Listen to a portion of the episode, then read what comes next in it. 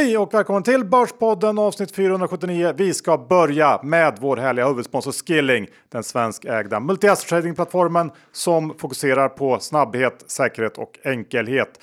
John, vi är nu i oktober månad och för alla börsintresserade så är det ju så att eh, man blir lite darrig när man tänker på hur oktober historiskt sett har sett ut på världens börser. Ja, det har alltid varit en dålig månad. Dessutom har vi haft sådana här katastrofevent eh, som när Lehman Brothers gick i putten, men även Black Monday på gamla goda. Ja, så är det ju och det saknas ju inte saker att vara orolig för idag. Vi har ju makroläget, eh, svajig tillväxt där ute, många indikatorer som visar på att vi snabbt går mot sämre tider. Vi har också haft enorma rörelser på FX-marknaden. Eh, den typen av volatilitet brukar ju inte vara ett bra tecken. Eh, och vad mer om? Nej, men det gäller ju att eh, tänka och använda hjärnan när det är så här stressigt och volatilt på marknaden. Att man kanske vågar sitta lite lugnare när andra panikerar. Ja, precis. Och vi tycker att man ska utnyttja läget eh, ta tillvara på de här möjligheterna som erbjuds och det gör man ju bäst via Skilling som har alla licenser, är reglerade, eh, har en fantastisk kundservice och eh, inte minst har ett fantastiskt erbjudande med tajta spreadar och låga kostnader. Så att öppna ett eh, konto om ni inte redan gjort det. BankID är det enda som krävs, men kom ihåg att 80% av retailkunder förlorar pengar när man har CFDR. Så besök skilling.com för fullständig ansvarsfri skrivning. Och med det säger vi ett stort tack till Skilling. John, den här veckan blir det rapporter, rapporter, rapporter och sen lite mer rapporter. Vi hinner nästan inte berätta mer än så för att vi har så mycket att prata om. Ja, det kommer också vara några små skandaler inom det svenska näringslivet och lite sådana här krispiga spaningar som jag vet att folket vill ha. Härligt. Vi är denna vecka sponsrade av flygbolaget Bra. Eh, och det här passar oss John för vi älskar ju att flyga smidigt. Ja, det gör vi och framförallt så älskar vi deras flygplats i Bromma som är ju otrolig att ha tillgång till mitt i Stockholm city. Ja, man brukar säga att det är Stockholms smidigaste flygplats och det är det verkligen. Eh, här kan man ju checka in bara 15 minuter innan avresa och det ligger nära city. Det är smidigt att ta sig dit med tvärbanan eller flygbussen eh, och det är inga långa köer i säkerhetskontrollen. Smidigt, enkelt och snabbt helt enkelt. Men om man ändå känner för att vara där lite tidigare, då har de ju också sin lounge. Ja, bra launch Bromma är ju väldigt krispig att eh, vara i faktiskt. Där har jag varit många gånger när jag väntat på mitt flyg till Umeå. Och det kan ju vara en av anledningarna till att Bra har Sveriges nöjdaste resenärer. Sen eh, så är det också så att Bra har lanserat något de kallar bioflygbiljetten. Världens första eh, i sitt slag och eh, den tycker jag att ni ska välja nästa gång för den är precis som en vanlig flygbiljett men med 50% inblandning av biobränsle och det minskar ditt klimatavtryck med minst 40 Och John, eh, helt enkelt, ska man ut och flyga då tycker vi att man ska välja bra och deras bioflygbiljett så surfa in på flygbra.se. Vi säger ett stort tack till Bra! Johan Dr. Bass Isaksson index är 1967 snåret och det är ganska så håsigt där ute. Det har vänt eh, fort från ultrabäs och blivit faktiskt eh, som du sa att eh, vi har kommit in i rapportperioden med lite positivare tongångar. Ja, men det känns som att vi har haft en vecka här där börsen har tagit en liten paus från allt som händer på makroplanet och istället då fokuserat på alla bolagsrapporter som flödat in. Eh, index eh, har kanske inte rört sig jättemycket, men tog ändå ordentlig fart här i, i går och i måndags och närmar sig 2000 på OMX index igen. Ehm, och som vi varit inne på tidigare så kommer många bolag in eh, helt okej okay jämfört med förväntningarna. Eh, kanske framförallt jämfört då med känslan av att vi redan är i en kris. Men här vill jag ändå påminna om att man ska komma ihåg att siffrorna som bolagen kommer med nu är sommarens siffror. Det har hänt en hel del sedan dess, vilket ofrånkomligen kommer att synas i, i bolagens rapporter kommande kvartal tror jag. Ehm, och här tror jag att en hel del, både investerare och bolagsledningar, har en tendens att lura sig själva lite. Ehm, tittar man på vad bolagen säger om utsikterna så är det ganska eh, same same i Q4 som i Q3 och så kan det ju såklart säkert bli. Men det handlar ju mycket om att man har stora orderböcker eh, och att det varit svårt att få ut varor på grund av komponentbrist bolag som är tidiga i cykeln visar redan svaghetstecken och jag tror att det kommer sprida sig ytterligare under Q4 eh, och sen blir ändå lite sämre i Q1 och så vidare. Så att eh, den här typen av rallyn som vi får på börsen eh, och som vi är inne i nu tror jag ändå att man ska se lite grann som säljlägen på något sätt. Ja, men jag är fortsatt inte lika negativ som du. Jag tycker att även om vissa bolag gnäller så är det andra bolag som är positiva. Man får alltid komma ihåg att pengarna tar vägen någonstans. Om de går Eh, från att köpa semesterresor så går de kanske till oljebolagen och elbolagen och så vidare. Så att eh, pengarna tar vägen någonstans och det är en ekonomi som hela tiden roterar runt och växeldrar lite grann. Så att eh, bara för de som skriker mest eh, ska man inte bli livrädd. Ja, men så är det väl. Men eh, det jag tänker är ju också att eh, bolagen och ledningarna ser ju inte heller så fruktansvärt långt fram i tiden som man kanske vill tro ibland, utan de, eh, de agerar ju också på vad som händer här och nu och eh, om två, tre månader så kan det se ganska annorlunda ut. Så är det verkligen. Man får också komma ihåg att börsen ser ju ändå sex månader till ett år längre fram. Så att eh, när det väl blir dåligt i bolagen så är det möjligt att börsen blir lite mer positiv också. För den har ju inte varit bra i år får man ändå säga. Nej, det får man faktiskt säga. Du, eh, när man ser då alla de här tvära kasten på börsen, då undrar man ju egentligen om eh, det är värt det och finnas där på börsen. Ja, men lite så har jag också tänkt den här veckan att det faktiskt kanske inte bara är bullshit det här när bolag blir utköpta och de pratar om att det vore bättre för dem att verka i en onoterad miljö. Eh, till exempel Holdings här i veckan är ett bra exempel. Hade Holdings eller Modular Finance som de heter varit noterad och den här nyheten om att Euroclear kanske inte längre kommer att dela information så hade ju Holdings då eh, kanske fallit med 40, 50, 60 procent intradag på den nyheten. Ledningen hade fått ägna hälften av tiden till att lösa det här problemet och hälften av tiden till att prata med jättearga investerare som känner sig lurade. Nu kan man istället ägna all tid åt att försöka lösa problemet. Och sen brukar ju börsen också vara sån att efter ett bolag fått sådana här chocker Eh, att den heller aldrig värderar upp bolaget till samma nivå som innan. För den har blivit lite bränd och medveten om vilka risker som finns eller som man kanske inte ens visste fanns. Och eh, på så sätt är ju börsen en tuff plats att vara på eh, där aktiekursen kanske inte alltid återspeglar verkligheten. Nordnet är ett annat bra exempel som var i ganska dåligt skick när de blev utköpta men som efter några år i onoterad miljö och mindre fokus på kvartalsvinster gick från att vara ett långt sämre bolag än Avanza till ett eh, i princip minst lika bra eh, bolag eller som många faktiskt tycker har blivit bättre än Avanza. Eh, man skulle egentligen vilja tycka att bolag borde vara lite mer långsiktiga än nästa kvartalsrapport, men så fungerar inte världen och framförallt inte börsen. Nej, jag tycker det är en bra poäng och eh, det är väl helt enkelt så att det är inte bara bullshit det där som de säger att de måste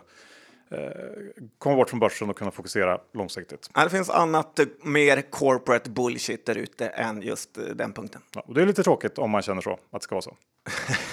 eh, lite kul också. Ja, okay. du, I helgen så läste jag eh, om en undersökning som Nordea har gjort om eh, hur väl svenskarna tror sig klara av stigande kostnader. Har du bra helger? det var liksom i svenskans eh, näringslivsdel. Okay. Jag åt min helgfrukost, så det var helt okej. Okay. Men enligt den så, mm, så säger då 40% av de tillfrågade svenskarna att de inte skulle klara av ökade månadsgifter på mer än 6 000 kronor och närmare 70% klarar inte av eh, kostnadsökningar på 10 000 kronor eller mer. Och den här undersökningen gjordes i september eh, med räntehöjningar som inte slagit igenom helt och dessutom då eh, gissningsvis en dyr elvinter plus alla andra kostnader som stiger i snabb takt så gissar jag att vi redan är någonstans där nu 6-10 000 för ganska många familjer och hushåll. Och det innebär ju att man tvingas sätta stopp eh, för allt som inte hör till det nödvändigaste. Och eh, tittar man på den undersökningen så eh, ja, du kan gissa vad är det för någonting som man inte anser vara det nödvändigaste. Jag gissar att man säger resor, ja. renoveringar och så vidare. Ja, restaurang, hämtmat, fika, bio, teater. Jag vet inte, teater känns inte som en jättepost. Men visst, och så shopping, streamingtjänster, gymkort. Ja, sånt där. Eh, det man inte vill dra ner på är faktiskt bilen och eh, barnens fritidsaktiviteter. Okej, okay. ja. tack för den här genomgången Johan. Eh, varsågod. Men om nu den här undersökningen då stämmer hyfsat väl med verkligheten så bör ju faktiskt ganska många hushåll eh, redan gått in i eller snart vara på väg in i eh, någon slags high alert kostnadsreduceringsmode här under hösten. Och eh, tycker ändå att det kan vara värt att, eh, att ha med sig att vi vi är någonstans där just nu eh, och det kommer ju eh, med någon slags lag synas i bolagssiffror också. Så att det här det är väl klart delvis det som börsen redan prisar in. Men eh, ja, vi får se när det väl slår till på riktigt. Mm, sådana här undersökningar, det tycker jag verkligen är bullshit. Det är som att när de säger att hushållen inte klarar 10 000 kronor i kostnadsökning, som att 70 procent av Sveriges befolkning ska bli hemlös då. Eh, det, det handlar inte om att bli hemlös, utan då får man ju justera den andra delen. In, om man inte kan höja intäkterna så blir det ju att reducera ut, utgifterna. Det känns nog mer som någon typ av reklam för Nordea. Okay, jag ja, är inte imponerad. Inte det. tror inte det. Okej, okay, men om man måste då tvingas spartips. Du är ändå lite av Börsbondens spartips-ekonom. Ja, men jag är också en av godhetsekonomerna här åt eh, den andra sidan. Och när man läser om olika spartips hit och dit så ett som ofta nämns nu som det bästa spartipset är att man ska gå ur Svenska kyrkan innan den första november för att då slipper man betala skatt, eh, kyrkoskatt för nästa år.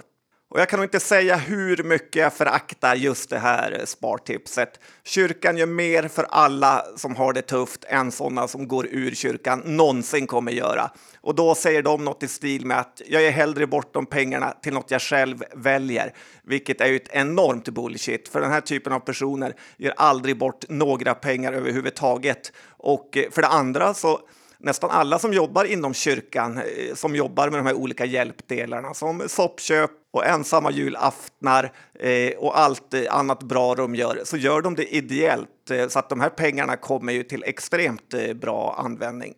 It's a free country som de säger och alla gör som de vill. Men jag tycker ändå man ska tänka både en och två gånger innan man bestämmer sig för att gå full-blown ego. Ja, då tackar vi den kristna präktpojken John Skogman för det, inlägget i debatten. Så är det Johan. Och uh, går vidare. Um, upphandlingar vill du prata om nu och det är ju ett kanske mer spännande område än vad det låter som. Ja, men jag tycker att det är en ganska bra sak det här med att kommuner och regioner kan upphandla saker från den privata marknaden, eh, vilket gör att man enkelt bara faktiskt kan byta ut dem som underlevererar. Attendos avtal för att driva det här äldreboendet i Sabbatsbyn eh, för att de bröt mot eh, medlarplikten har det skrivits en hel del om i media. Hade det varit ett vanligt kommunalt drivet boende så hade ju ingen brytt sig och eh, man hade knappt eh, kunnat göra något förutom lite fejkade omplaceringar av eh, chefer. Men nu kan man helt enkelt bara fimpa Attendo som aktör och gå vidare. Och det här gör ju också att alla andra konkurrenter skärper till sig och att verksamheterna förbättras ännu mer jämfört med om staden själva bara hade sopat allt under mattan. Och sen idag så får vi väl ändå säga att Attendo levererade en ganska bra rapport eh, för första gången på länge. Men eh, på lite längre sikt så har ju Attendo varit helt värdelösa på allt nästan. Och det är otroligt märkligt hur Martin Tivéus får eh, fortsätta sitta kvar på ett av börsens sämst skötta bolag. Men det är en annan sak. Ja, absolut, och jag hoppas bara att man verkligen använder upphandlingar på det här sättet. Och det är väl eh, lite av det här har väl eh, vad fan får jag för pengarna eh, Östling varit inne på att här finns det mycket att göra. Man skulle liksom sätta in någon slags Scanias inköpsavdelning istället och pressa priserna på det sättet de gjorde eller gör så kan man nog effektivisera en hel del. Ja, det hade ju varit otroligt om eh, Sverige eh, anställde liksom de tio bästa inköpscheferna och gav dem 10 miljoner var. Det hade ju sparat ofattbara mängder pengar. Det hade det. Du, nu ska vi ta, ta upp något tråkigt. Eh, jag vill inte eh, prata om det här, men eh, vi måste. Vi måste tyvärr återigen, för vi blir ju sårade gång på gång, vecka efter vecka, år efter år. Ja, snart decennium efter decennium. Ja, det är analytikermassage jag gissar att du ja, tänker på utan det. att veta. Ja, och så länge det här fortsätter frodas så kommer vi fortsätta kampen. Och igår så var det då Elekta. De höll ett pre-call dagen innan den tysta perioden eh, då inleds. Och kort och gott så sa Elekta på det här callet med då ett gäng analytiker att makroläget har förändrats. Eh, försämrats till och med. Då eh, kunderna är mer försiktiga, supply chain problemen eh, kostar fortsatt mycket pengar och installationerna går trögt. Summa summarum en ganska rejäl nedguidning och vad tänker bolaget att de uppnår med den här typen av selektiv kommunikation? Jag undrar var FI är, vad tycker de? De verkar inte tycka någonting och jag undrar också hur bolaget då ser på alla tiotusentals små aktieägare som får den här infon eh, i röven. Ja. Det undrar jag. Ja, du ser ut att gilla det. Men, men i övrigt så tycker jag att det är väldigt, väldigt eh, konstigt hur man gör så. Och eh, det är ju som att analytikerna sitter och mässar sina mäklarkompisar som vräker ut aktier. För aktien störtdök ju under dagen. Och det, ja, det är klart de gör. Det är ju guldinfo för, ja. för alla andra. Ja, det är extremt eh, märkligt och eh, jag antar att man gör så för att rapportreaktionen inte ska bli lika negativ, att analytikerna ska justera ner eh, prognoserna inför rapporten. Men jag tror de tänker så, men jag tycker ofta att det istället blir liksom en dubbelsmäll, att man åker på först på den här eh, lite ful eh, insiderinfon och sen åker man på en gång till när väl siffrorna kommer på riktigt. Ändå. Ja. Så att ingen tjänar på det här förutom eh, ja, mäklarna och deras kunder kanske. Ja, så är det. Och eh, de är nöjda för de fortsätter ju med det år ut och år in. Men det är också något Johan, när jag ändå får vara sur på börserna och eh, hur de beter sig, så är det ju också hur de här eh, robothandlarna nu faktiskt tagit över börsen helt. Likviditeten nu under rapportperioden, framförallt likviditeten som syns på skärmen, är ju otroligt usel. Eh, samtidigt som när man lägger in en order eh, så blir man, eh, som det heter, så kallad middad på tradingspråk, att det då ligger osynliga orders som hela tiden är med och styr aktiekurserna. Eh, sen är Dometic idag, som har, vi ska prata mer om sen, eh, har ju flera gånger under dagen här haft över en krona i spread mellan köp och sälj samtidigt som aktien handlas i två ören. Men försöker du sälja eller köpa så blir du eh, antingen frontad av en robot som lägger sin order framför eller om man råkar ställa sin order lite för högt i den här kronaspreaden så blir man direkt påsåld eller avköpt till ett eh, ja, felaktigt eh, pris. Så att, eh, jag tycker att det är dags för FI att börja steppa upp och heja på småspararna. Vi har den vecka med oss vår exklusiva fondsponsor Fidelity. Rickard, vi på Börspodden är ju stora Japan-fantaster. Men hur ser Fidelity på investeringar i Japan just nu? Mm. Vi på Fidelity har lokalt varit i Japan i över 50 år faktiskt och eh, har varit med på den här marknaden väldigt, väldigt länge. Japan är en marknad som man egentligen inte har pratat så mycket om under de senaste 15 åren och det kanske är då för att de har varit kända just för sin deflationsspiral som de har eh, befunnit sig i. Eh, inflationen i Japan idag är förhållandevis låg om vi jämför med resten av världen och ekonomin har inte tagit lika stor skada under pandemin Eh, som det gjorde i andra delar av världen och eh, många har jobb i landet, vilket är positivt. Eh, sen kan den svagare yenen påverka, men det kan å andra sidan vara positivt då för exporten i landet. Sen ska vi också om vi tittar på bolagsmässigt, många bolag har stora kasser, vilket kan gynna dem i eventuella framtida förvärv, men också om vi får en sviktande tillväxt och stigande räntor så är de bra rustade inför den miljön. Vi ska också påminna om att investeringens värde och eventuella intäkter från dem kan både minska och öka. Det kan hända att du inte får tillbaka det investerade kapitalet och åsikter uttryckta kan redan agerats på och inte längre gälla. Stort tack till Fidelity International! Vi är den vecka sponsrade av Peppins och idag drar handeln igång på Peppins. Vad händer Anders? Jo visst, idag öppnar Peppins för handel i de allra flesta av bolagen på vår plattform och därför vill jag uppmuntra alla att gå in på peppins.com för att eh, botanisera.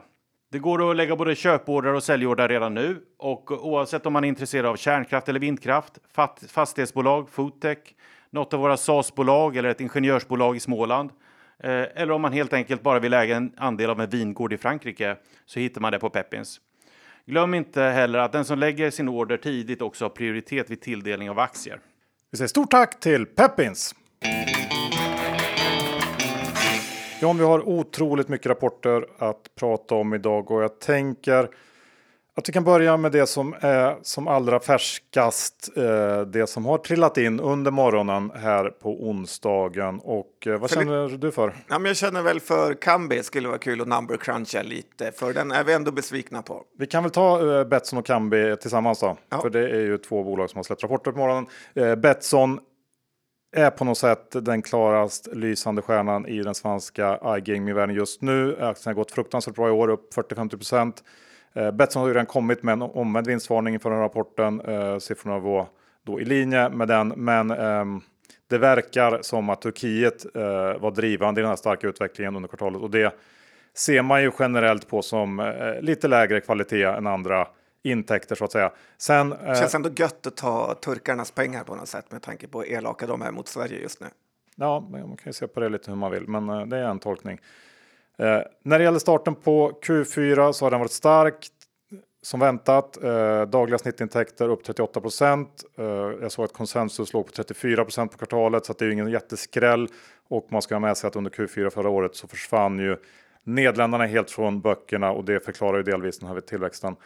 Eh, det är starkt av Betsson, men i stort som väntat skulle jag säga. Eh, behöver inte vara någon jättereaktion åt något håll på den här rapporten kan jag tycka.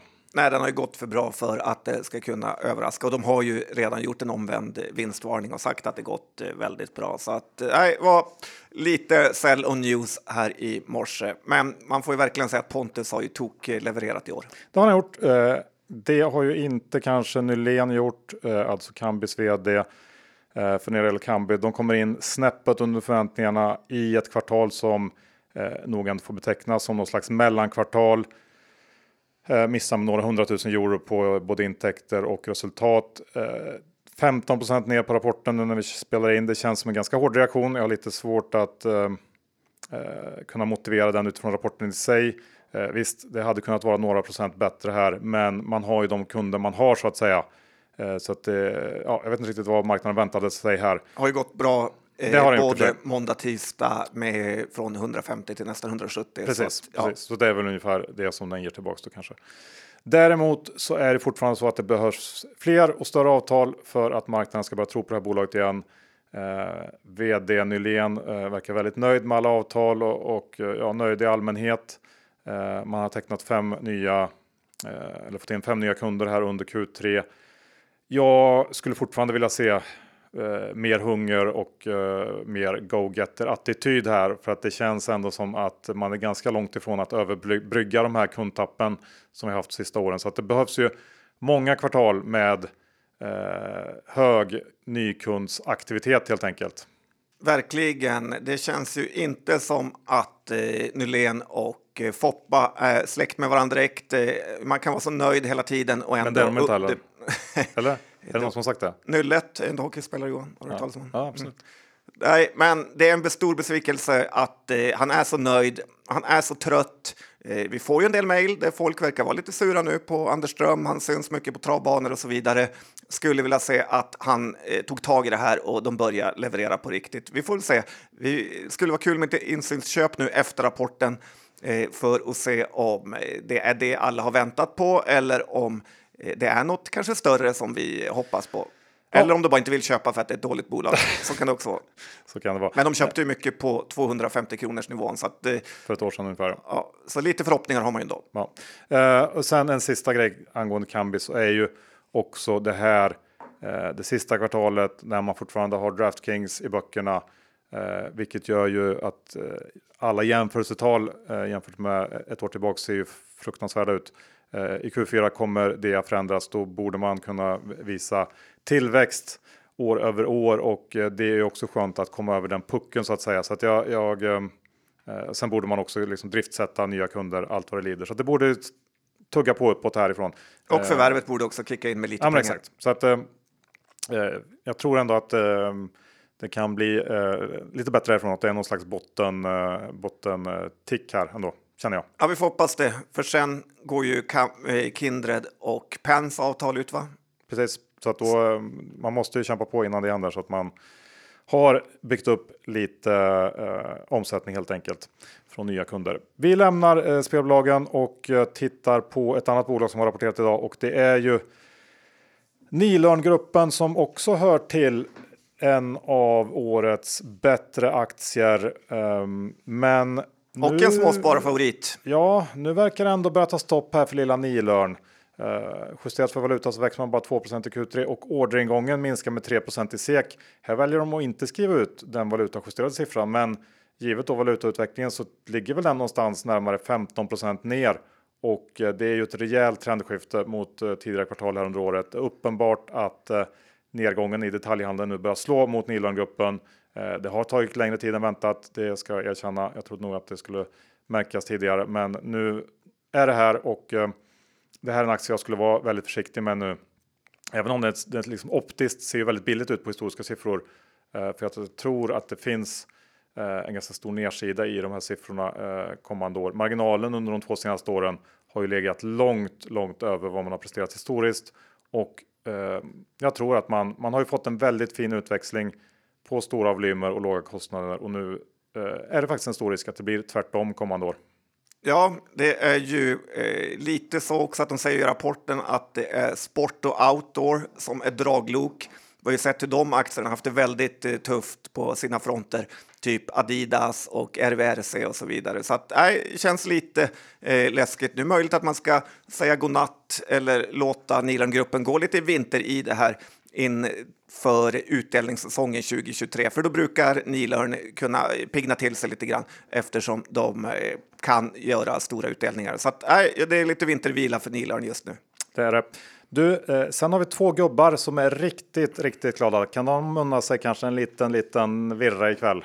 Det tror jag nog. Det kommer nog vara en eh, större än eh, den brukar vara. BioArctic här gjorde en placing igår kväll eh, och de cashar in rejält med pengar. Eh, får man säga att de är värda så länge de har suttit på de här eh, aktierna. Men det gör mig ändå lite orolig för att det påminner mig om hypen kring om när Medivir blev stora. Kommer du ihåg den? Den kommer jag ihåg. Ja, de blev ju enorma Medivir alltså när man fick eh, fram ett preparat mot hepatit C. Man fick det klart före alla andra och det blev en enorm storsäljare under en kort period. där Man fick royalties av Johnson Johnson och eh, det här preparatet hette då Olysio. Och det, alla pratade om det. Eh, och det var ju en sån enorm produktlanseringssuccé det här. Det blev en riktig megahit till en början, men på bara ett år så gick försäljningen från Q3 2014 till Q3 2015 så gick den försäljningen ner med 96 procent och eh, Medivirs aktiekurs har ju sedan dess gått från 130 till 8 kronor. Eh, och inom läkemedel så är det ofta så att vinnaren tar allt.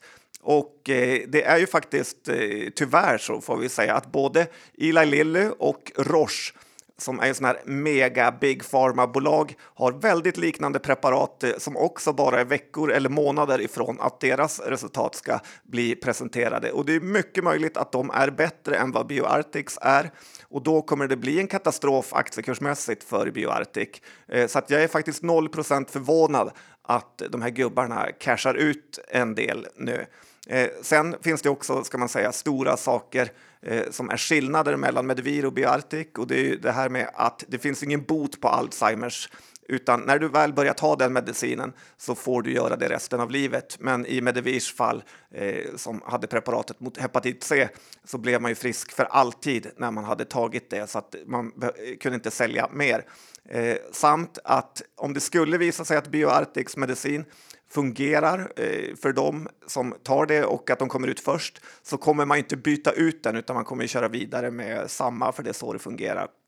Eh, sen finns det ju också en stor chans att man kommer köra olika kombinationer av de här medicinerna så att man ändå kan sälja sitt eh, läkemedel. Eh, men det är extremt viktigt att följa vilka resultat både Roche och Lille kommer med här närmsta tiden. De kan ju faktiskt också bli sämre Eh, och då är det ju bortom guld för Bioarctic här. Men eftersom de bygger på samma mekanism eh, har jag hört så är det ganska troligt att de kommer också att fungera. Så att, eh, håll lite ett öga på det här, eller ganska stort om du är aktieägare. Ja, eh, bra. Och vi fortsätter med ett bolag från dagens rapportskörd och det är Dometic, eh, ett bolag som många gillar. Och hur såg det ut John? Ja, men Dometic fortsätter kämpa på och eh, det här är ett eh, ganska intressant bolag som är väldigt eh, lågt eh, värderat. Juan Vargas levererar bra i det här klimatet får man ge honom stor cred för. Eh, lite kul om man number crunchar lite. Han har nu ett varulager på 10 miljarder. Eh, han har 15 miljarder i långfristiga skulder, 4 miljarder i kassan och sen ett börsvärde på 18 miljarder. Så att det här är ju ett eh, skepp som kommer in i stormen med ganska så fulla segel. Samtidigt eh, så är det ju eh, så för oss som har sett Amerikas Cup, Johan, att det är bara, du kan ju bara vinna stort om du tar ytterbojen i blåsten med fulla segel. Har du sett den dokumentären på Netflix? Nej, America's Cup? nej jag är väldigt gravt ointresserad av segling måste jag säga. Ja, men det är mer tävlingen som är kul. Nej, men eh, hur som helst, Dometic tjänar bra med pengar och man får i det här läget helt enkelt eh, välja och förlita sig på Vargas här. Men det är lite en eh, America's Cup-case då helt enkelt? Här. Ja, men lite så. De säljer ju mycket till båtar också. Jag vill inte men... att masten ska gå av eller? det vill du verkligen inte. Eh, blir en så här, eh, vad heter det, Vasa eller Äpplet, svensk ingenjörskonst. Men han var ju ordförande i Caro Group som både fick bud och budhöjning på sig i de här värsta av lägena som var för bara någon månad sedan. Så att jag har eh, stort förtroende för honom. Han är också väldigt bra på svenska. Så att eh, det här är en riktig doer som jag håller högt. Stor aktieägare va? i Dometic. Verkligen. Mm. Ingen liksom, minipilot. Nej, mm, stor pilot. Kapten kanske? Ja, kapten. Mm. Bra, ja, men då har vi dragit lite, eh, lite av dagens rapportskörd. Jag tänkte gå in på, ja vad ska vi ta, eh, två besvikelser som jag klumpat ihop i ett segment. John och Johan.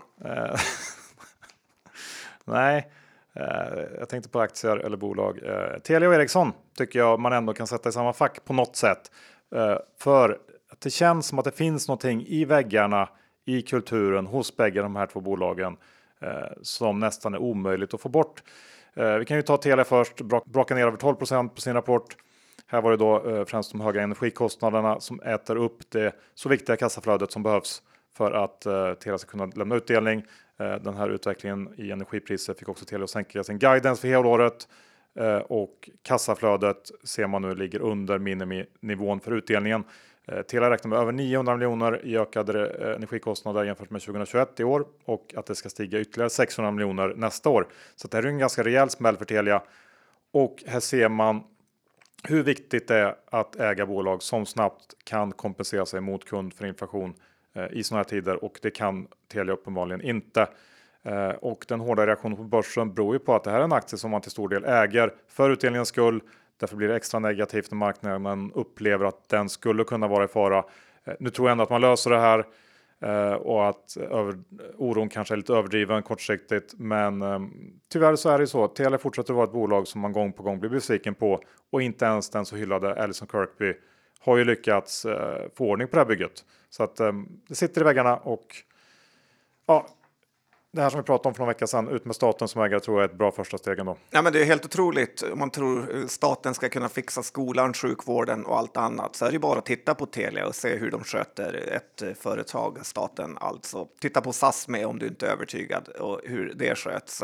Eh, sen nu eh, kommer väl in på det senare, men Viaplay hade ju en katastrofrapport. Jag tror ju inte Telia är jättenöjda med sitt köp av Simor och eh, TV4. Ja, du kan väl ta till Viaplay då? Ja, men, och sen vill jag ju bara säga att det, det låter nästan som en lögn med ökade kostnader, 900 miljoner eh, för det är elpriser. Mycket. Ja, det är ofattbart mycket pengar för ett bolag som Telia. Och eh, ja, nu när staten är så stor ägare här så kan de verkligen skicka ut lite pengar till folket om de ska hålla på och vara så här sloppy med eh, sina pengar. Äh, men, eh, ska vi prata lite via Play ändå? Vill du det? Ja, vi tar det som mellan... Eh, mellan... Mellanakt. Ja. Eh, ja, men det är väl det blankare caset jag kanske härjat på mest om. Och eh, det blev en liten fackfesta där igår tycker jag när de släppte sin rapport. Såg du intervjun i DTV med Anders Jensen, vdn? Ja, det var fruktansvärt hård eh, stämning måste jag säga. Ja, och eh, inte ofta man ser en eh, vd tappa humöret så ordentligt i direktsändning och börja läxa upp program, programledarna och hojta saker att de var för dåligt pålästa och så vidare. Sen blev han ju fullständigt vansinnig när de tog upp Ola Wenströms bok eh, som vi faktiskt pratat om en del i den här podden. Finns för övrigt gratis att ladda ner på hans eh, hemsida. Eh, han kallade Ola Wenström i princip för lögnare, eh, en person han inte hade noll, någon trovärdighet för och så vidare. Och ganska underhållande. Eh, men aktien kollapsade ju rejält får man säga på Eh, den här rapporten. Och så händer det ju när man sänker prognosen för kundintag. Det är det absolut värsta som kan hända för den här typen av bolag. Vi har ju sett det på eh, Netflix och eh, Paramount, hur de verkligen dött på rapporter när man har flaggat för lägre kundintag. Jag såg att idag sänkte Nordea sin riktkurs från 480 till 370 och lite undrar man ju vilken värld de lever i. Inte den analytikerns finest hour. Eh, däremot en av mina finare. Jag såg dock att Carnegie sänkte sin till 245, vilket känns lite rimligare. Men den här typen av eh, verksamhet är inget jag skulle investera i nu. Nej, det är ju tufft i det här makroklimatet helt enkelt. Eh, så så är det med det. Och då går vi över till Ericsson igen eh, som ju hör till det här Telia besvikelsesegmentet. Och... Varför var min en mellanakt mellan, ja. mellan dina två stora bolag? jag vet inte. Jag kände det så bara. Ja. Nej, men så var det. Och eh, nu eh, Ericsson då, sista året, vad ska man säga? Eh, det, det, är ju ingenting som har gått rätt egentligen och allt såg ändå så bra ut. Man skulle ju tjäna satan på 5G-utrullningen. Man satt på en monsterkassa och Börje var hyllad av alla och nu är allt tvärtom. Eh, Ericsson missar förväntan, förväntningarna under Q3 med 15% De har ju bränt en stor del av sin härliga kassa på det här sinnessjuka fonarköpet och alla är nu sura på Börje istället. Tänk om Börje eh, egentligen var årets ledare för Viceroy. Har du tänkt på den plot-twisten som ja, kommer i år? Ja, det kan ha varit. Um, och sen har man också de här eh, böterna i USA och osäkerheten kring det som hänger över aktien. Um, och jag tycker att det är lite samma visa här. Det måste vara någonting som sitter i väggarna hos Ericsson, eh, något i den här kulturen som är så långt ifrån aktieägarvänligt som det bara går. Um, Man vet ju att de spelar innebandy tre, fyra timmar om i veckan på Ericssons ja, huvudkontor. Ja, det utgår jag ifrån. Uh, och, och, alla skador är sjukfrånvaro är ju hälsenor och sånt som går av. och att det liksom finns flera kontor liksom där det sitter gubbar som bara jobbar med något konstigt projekt som ja. Ja, ingen vet vad de gör. Nej, Nej, det är så tragiskt. R&D. Uh, Skulle behövas en amerikansk chef där, dock inte Alison Kirkby. Hon är från, hon är från Skottland, va? Jag tror det. Uh, men uh, det verkar i alla fall vara andra saker som styr beslutsfattandet än rent så här affärsmässiga. För att det går ju inte att förklara till exempel köpet av Fonage på något annat sätt. och på något sätt så är ju Ericsson i det närmaste oinvesterbart just nu. Samtidigt så är värderingen så sjukt låg, förväntningarna så körda i botten att man ändå på något sätt är sugen på att köpa. Eh, för jag tänker också att någonting måste väl hända nu. Eh, Börje borde ju hänga ganska löst. Eh, även om jag vet inte, osäker på om det skulle göra någon jätteskillnad. men det skulle i alla fall vara en signal från ägarna att man tar tag i den här, det här bolaget på riktigt. För någonting så måste de ju göra nu. Och det är möjligt att bara bara att de gör någonting skulle kunna utlösa någon liten positiv reaktion. Ja, det är obegripligt med det här 50 miljarders förvärvet av Fonage. Det är konstigt hur man har sån låg värdering. Samtidigt, man har ju tittat de här amerikanska jättarna, typ Cisco och Intel har ju under perioder också haft jättelåga eh, värderingar när de har varit i lite svackor. Så att, eh, Eh, Nokia är väl inte heller jättehögt värderat. Eh, Telia har det dåligt. Telenor har inte heller presterat. Det är tufft inom telekom, så helt ska man inte säga att allt Nej, är visst, vi ser ju, vi, vi, när vi pratade om Telia nyss, vi ser ju hur, hur tufft de har med sina kostnader. Det är klart att teleoperatörerna avvaktar kanske lite grann med investeringar i, i bygga ut 5G och så vidare och det drabbar ju Ericsson också. Så att, eh, möjligt att man får några kvartals eh, liksom bara lagg i, i trycket på det här 5G-racet och att det kommer igång sen igen. Eh, och att det här kan vara ett riktigt bra köpläge. Mycket möjligt att det är så. Ja, det har ju inte varit det de senaste evigheterna, men eh, absolut, någon gång borde det bli för billigt. Sen eh, så var det så att igår kväll så var Skulle det, må bättre utanför börsen, eller vad var det någon expert sa? ja, det hade... Kan inte må sämre i alla fall. Nej, det hade varit något det. Du, igår kväll så var det ett stort, tech, stort techfest i USA. Eh, många av de största rapporterade var Spotify, det var Microsoft och det var Alphabet. Eh, till exempel. Ja, det är väl bara vi i Sverige som tror att Spotify är en av de ja, eh, men... största och eh, riktigt pinsam tv-serie där som Netflix har gjort. Har du sett den? Nej. Nej man vill, kan inte ens titta för att det gör ont. Så har jag hög känslighet också. Ja, men, men så här, Alphabet eller Google som man säger förstörde den här techfesten med en usel rapport och det sänker ju börserna idag. Det var lite techhaveri där och det är främst Youtubes eh, annonsintäkter eh, som inte alls var lika bra som man hade trott. Eh, men också en besvikelse på att man inte tjänar mer pengar på sökmotorn. Eh, då Apple har gjort såna här, eh, att det gjort det svårare att målsöka kunder för annonser via deras iOS-uppdateringen och det har varit väldigt uselt för eh, bland annat Facebook. Men att Google ändå skulle klara sig ganska bra då man har den här all information från eh, sin sökmotor.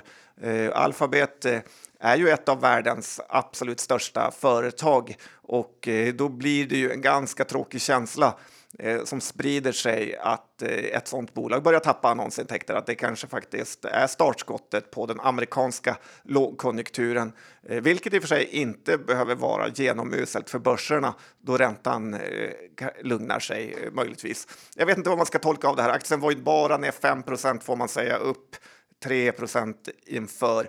Vi får se på, under dagen här hur det utspelar sig. Men eh, lite negativt eh, eh, skulle jag säga. Ja, absolut, så är det. Och det bidrar säkert till en del av de här reaktionerna som är ganska kraftiga idag.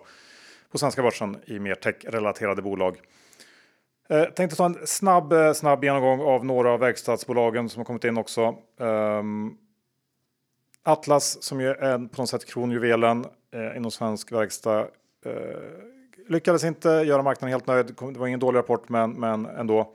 Eh, outlooken är lite svag där och ska man liksom grotta fram någonting här, i den här rapporten eh, om man vill eh, leta orosmoln så är det ju orderingången för den här tidigare så snabbväxande vakuumdelen kom in under förväntan eh, och här är man eh, exponerad mot det cykliska halvledarsegmentet och det finns nog en, en liksom risk här för besvikelse nästa år. Eh, Estimaten ligger ganska högt. Eh, det är väl det jag tar med mig från Atlas. Övrigt en ganska stabil rapport, men börjar visa, visa små, små svaghetstecken ändå. Eh, och sen har vi Volvo som kom ganska mixat. Orderingången var väl det som var starkt. Eh, lite svårt att bedöma den tycker jag när det är så här att man har stängda orderböcker och sen helt plötsligt öppnar upp. För samtidigt så ändrar de inte sin marknadsprognos för lastbilar under 2023. Utan här var det lönsamheten som bidrog till att få ner aktien.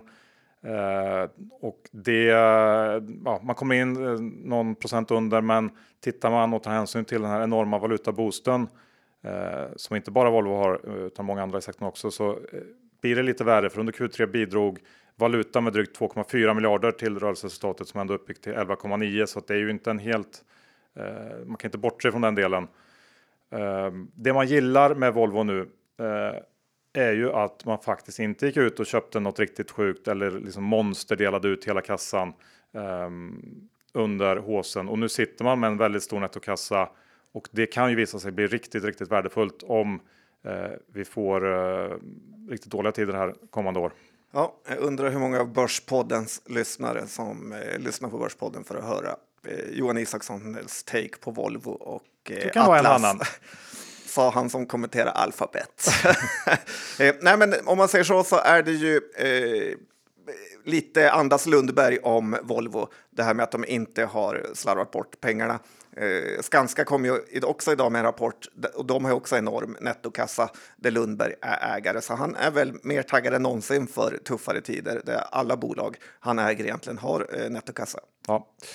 Du, eh, ska vi ta eh, de här nya stålbolagen som eh, poppar upp i norra Sverige är ju inte kanske riktigt börsbolag än, men många har nog ambitionen att bli det. Ja, lite eh, små skandal eller lite små eh, läskigt tycker jag en sak här som det snackas eh, väldigt lite om. Det är ju hur Harald Mix just nu utnyttjar sin plats eh, som styrelsemedlem i Kinnevik eh, för att lura in Kinnevik att investera miljarder i hans egna H2 Green Steel eh, som han själv har grundat. Dessutom till en vad jag kan tycka sinnessjukt hög värdering.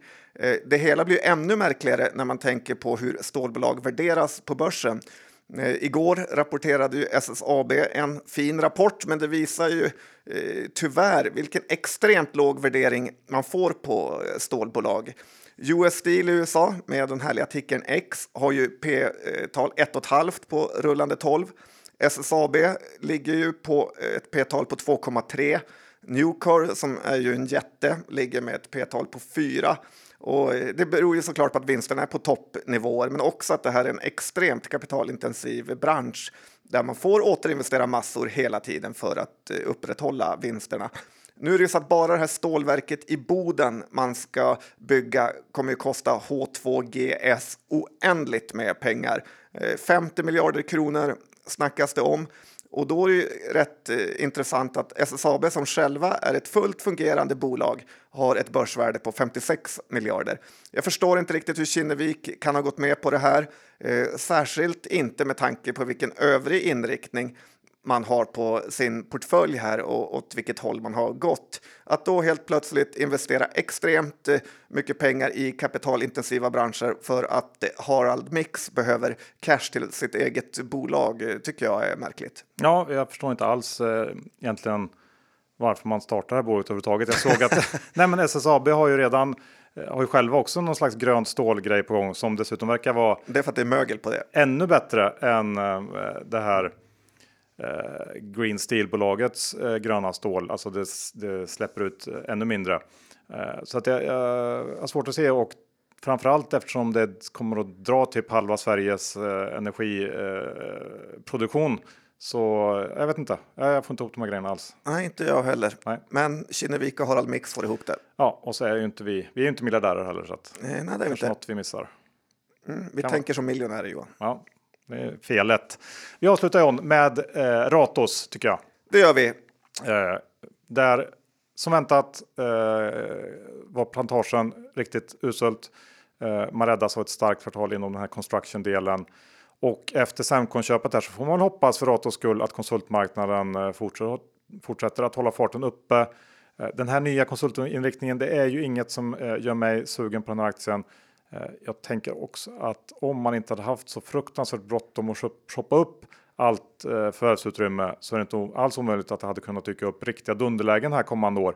Nu brann tyvärr pengarna lite väl mycket i fickan och mycket av den potentialen är eh, tyvärr borta skulle jag säga. Så att jag tycker att man har gjort bort sig lite här med den här snabba eh, intensiva förvärvsturnén under det sista året precis innan en dunderlåg konjak. Ja, men oavsett så är det väldigt konstigt att ha ett eh, sånt här bolag som har lite bygg i Norge, har lite oljefix i Norge, lite konsulter, lite asfaltsläggning eh, och ett plantagen som är oändligt eh, svajigt. Man blir inte sugen på det här. Det kommer konstant vara härvor. Diab är ju fortsatt en härva. Eh, man gillar inte Ratos längre. Slut på avsnitt 479. Vi säger stort tack till vår huvudsponsor Skilling. Öppna konto om ni inte redan gjort det. Eh, krävs bara BankID så är man igång. Men kom ihåg att 80% av retailkunder förlorar pengar när de handlar CFD. Så besök skilling.com för fullständig ansvarsfri skrivning. Och John, hur är det med egna innehav här? Eh, Kambi har vi tyvärr. Eh, men det är bara att kämpa på John. Skam den som ger sig. Ja, har man inte sålt har man inte förlorat. Nix Eh, pix. var det någon som eh, ljög och sa. Nej, men jag har faktiskt ingenting i denna veckas eh, eh, rapport, Förutom Kambi. förutom Kambi såklart. Eh, Ja, nej, så kan det vara. det är kanske därför börsen har gått bra när jag inte haft något av dem. Ja, kan vara så. Bra. Eh, nästa vecka blir det en specialare som man inte ska missa. Mer än så kan vi inte säga, men eh, ja, kul blir det. Det blir kul. Tills dess får ni ta hand om er. Vi hörs nästa onsdag igen. Hej då! Det gör vi.